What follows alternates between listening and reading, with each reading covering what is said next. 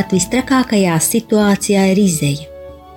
Un, ja šķiet, ka aizslēgtas visas durvis, vēl taču paliek loks. Dzīvē man bija laiks, kad labāk gribējās nomirt, nevis dzīvot. Par savām jaunības kļūdām ir jāmaksā, bet tās vēl nav beigas. Dievs man atvēra logu un dāvāja jaunus spārnus, lai mācos atkal lidot. Viss ir iespējams, tikai tici, ceri un mīli. Dievs ir ar tevi arī tad, kad tu to nejūti. Es to zinu droši. Laura. Šādi vārdi ir uz grāmatas pēdējā vāka. Lasīsim astoto fragment no Lauras Niedras dzīves stāsta, vai baltajiem zirgiem jāpaliek sapnī.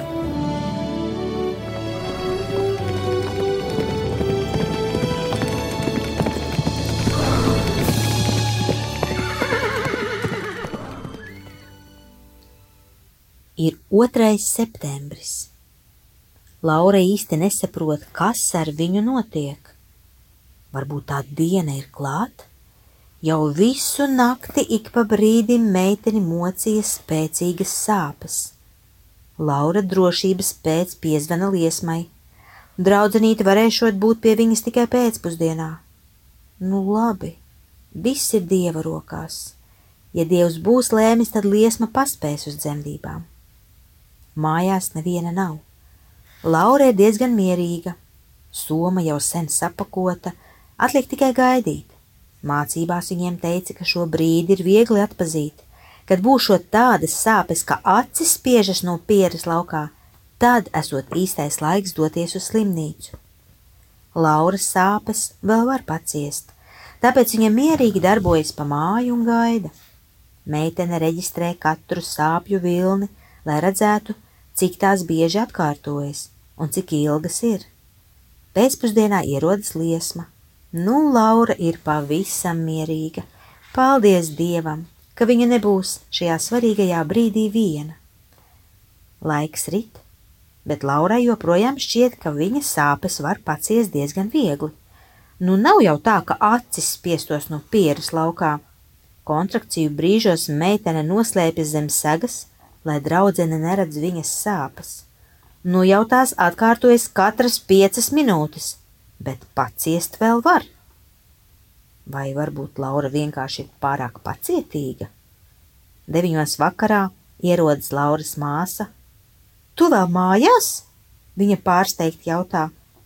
Un cik tad bieži ir sāpes? Gan drīz visu laiku, Laura samulsusi bilst. Nu zvani taču ātrajiem! Bet, ja nu vēl ir par agru, Viņi esot ļoti dusmīgi, ja par ātru aizbrauc uz slimnīcu. Laura vēl cenšas iebilst, taču dārtas noteiktība un pārliecība viņu iedrošina, un meitene zvana. Nu jau viņas abas ar liesmu ir mašīnā. Garas stāvoklis ir ārkārtīgi pacilāts. Visu ceļu viņas smejas kā trakas. Šoferis pat sāka atskatīties – vai ar meitenēm viss kārtībā, jo tā laikam neviena dzemdētāja nav uzvedusies, bet draudzenes tikai smējas un smējas līdz asarām. Vai tad var būt vēl labāka atsāpināšanās kā sirsnīgi smiekli? Nu jau viņas ir uzņemšanā. Laura vairs nespēja ciest, taču viņai vēl ir jāatbild uz neskaitāmiem stulbiem jautājumiem, Meitenei šķiet, ka viņa pats savu dzimšanas datumu nespēja tagad pareizi atcerēties, taču viņa cenšas, cik spēj. Pārbaude. Dzemdes kakls esot atvēries par septiņiem centimetriem. Ārste atļaujas nopludināt augļūdeņus. Kāpēc? Kas notiek? Meitene neko nesaprot, tikai zina, ka dzemdes kaklam jāatveras līdz desmit centimetriem. Ārste cenšas iebarot Laurai kaut kādu tableti, bet viņa pretojas. Meitene vēlas noskaidrot, kas tas ir. Tas ārsti sadusmo, bet Laura nepadodas. Mācībās viņus iedrošināja jautāt par visu, kas neskaidrs. To Laura arī pasaka. Lai būtu lielākas sāpes un ātrāk atvērtos dzemdes kakls. Ārste noburkšķi. Nu, labi. Laura padodas. Ja jau vajag, tad vajag. Ārsti droši vien nevēlas, lai dzemdības ievilktos naktī. Tagad Laura saprot, ko nozīmē vārdi, kad acis spiežas no pieres laukā. Un viss trakākais tas, ka meitene nedrīkst kustēties, jo uz vēdera piestiprināts kaut kāds aparāts. Gulēt uz sāpošās muguras Tas ir šausmīgākais, ko vispār var izdomāt. Brīžos, kad meitene ir viena, viņa izpleš savas rokas kā Jēzus pie krusta un ļaujas sāpēm. Viņa iedomājas, kā Jēzus nevainīgs cieta pie krusta, kā viņam sāpēja noteikti vēl daudz vairāk, jo visas pasaules grēka smagums gūlās uz viņa pleciem.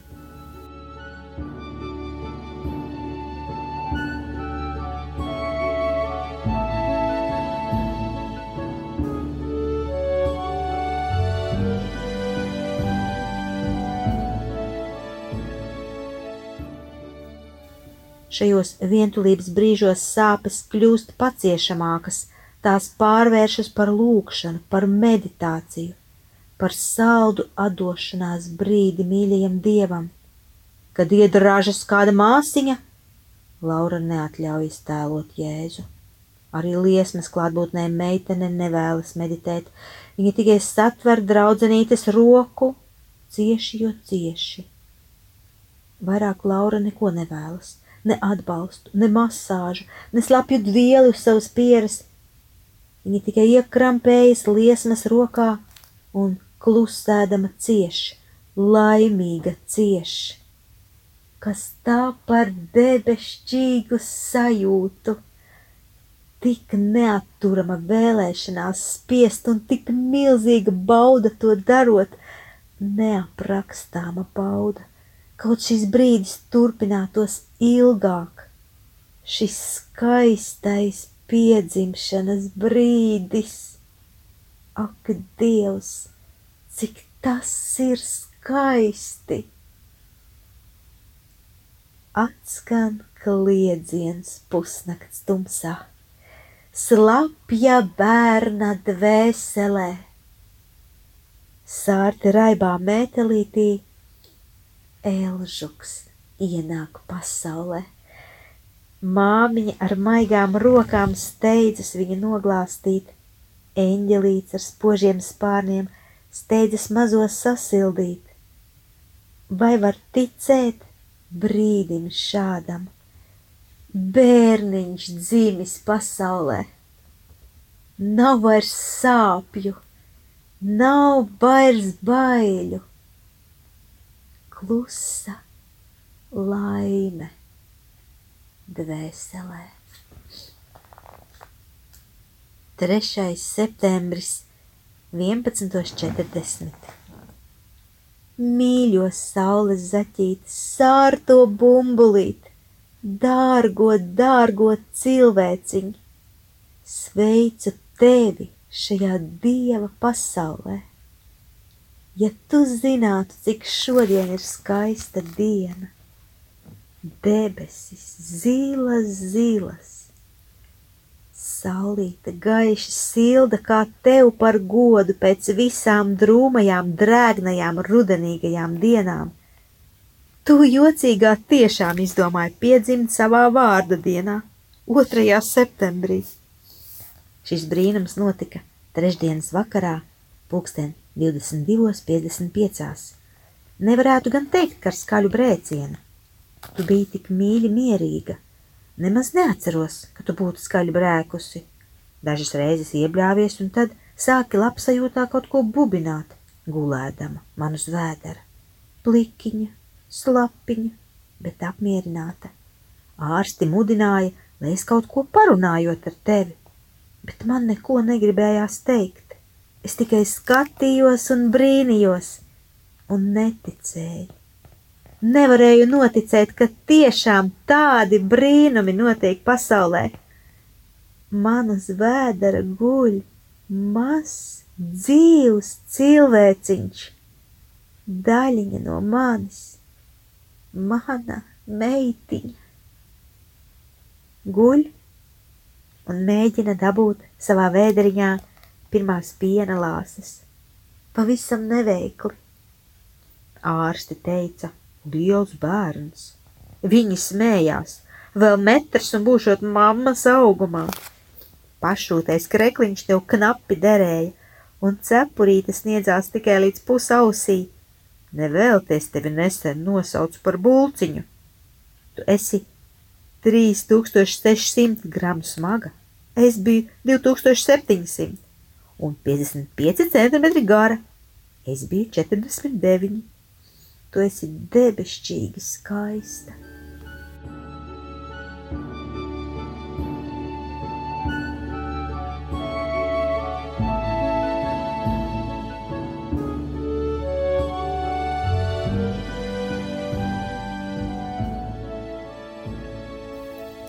Ceturtais septembris, 10.40. Manu nabaga knislīti, cik tev ir grūti.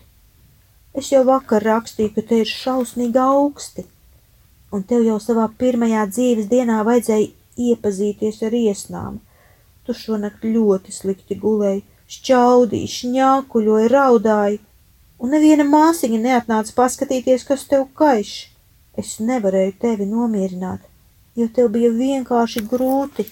Mēģināju tevi barot, bet tu vairāk šņāci nekā ēdi, jo deguntiņš ciet, nevarēja pāelpot. Labi, ka tagad pa dienu saldi iemiņi, laikam drusku atsili. Arī deguntiņš tik ļoti nešņākuļo, un vēl no rīta tu ļoti labi paēdi.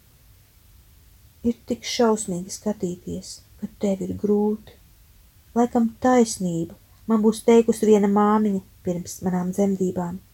Izbaudi pēdējās dienas, jo turpmāk tu vairs nekad nevarēsi būt laimīga, ja tavs bērns nebūs laimīgs. Tikai tagad es saprotu šos vārdus. 5. septembris, 13.10 burvīgā šņākulīte.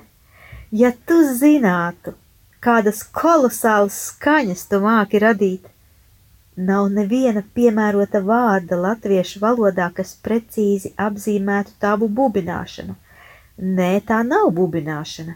Tā nav ne čingstēšana, ne čārkstēšana, ne vaidēšana, ne tūkošana, ne, ne. Tas ir vienkārši kaut kas kolosāls. Nēsmu dzirdējusi tik patīkamas skaņas, tāpēc laikam vēl neviens nav izdomājis tā vārdu. Es arī nevaru izdomāt. Vai cik tu sāpīgi zīd, jāsakož zobi un jāizmiedz acis. Un tad sāk zvaigznītes rādīties. Te var pilnīgi izdomāt mīklu, kā dienas laikā var ieraudzīt zvaigznes. Uzmini nu! Vakar mums bija vesela jūra ciemiņu, viens pēc otra, viens pēc otra, pie dārta ar divām draudzenītēm, un mēs sarīkojām baigo fotografēšanos ar smieklu vētrām, balonu spridzināšanu un tevis knibināšanu. Viņas gribēja redzēt, kāda tu izskaties, kad esi pamodusies un raudi. Taču pat nejaušais balona sprādziens nespēja iztraucēt tavu miedziņu. Malaci Selžuk. Nu, Laura ir mājās. Ar visu savu brīnišķīgo bumbulīti, un vakarā ierodas arī Gatis ar visu Jančuku. Tā ir viņu pirmā sastapšanās. Jānis nespēja viens sagaidīt, kad varēs paturēt mazo māsiņu.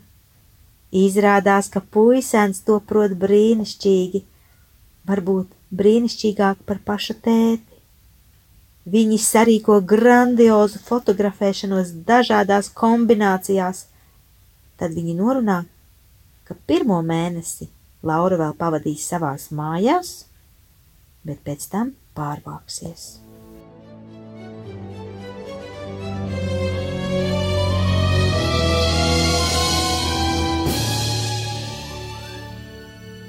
No savas puses Laura ir apņēmusies darīt visu, lai viņu ģimene būtu laimīga un mūžīga. Viņa vairs neatļausies skatīties ne pa labi, ne pa kreisi. Viņa vairs nepacels savas acis ne uz vienu citu. Tas ir prāta lēmums. Meitene zina, ka šī ģimene nav ideāla, taču viņa tic, ka Dievs palīdzēs iziet cauri visām grūtībām. 19. septembrī mazulis jau dodas uz savu pirmo dievkalpojumu.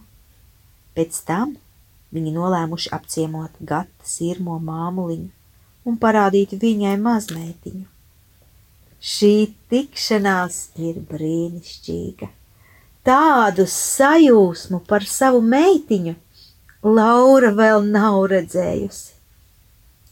Un meitene vēlas šo sajūtu iemūžināt savā sirdī un ritmiskās rindās. Rokas lūksnās salikusi, acis gaiši, gaiši mirdz. Vecmāmiņa mazmeitiņu sveic no visas mīļās sirds istabā no siltā prieka katrs tumšais kaktiņš spīd. Vecmāmiņas rokas maigi mazmeitiņai pāri slīd, acīs mirgo astrulāses, katrā grumbā smaidu jauš, skatiens glāsta mazmeitiņu, kura viņas priekšā snauž liekas runas, lieki vārdi. Visu izteica skatiens šis. Paldies, mīļais Jēzu, paldies, ka šis bērniņš piedzima. Tas bija astotais fragments no Lauras Niedras dzīves stāsta, vai baltajiem zirgiem jāpaliek saplīt.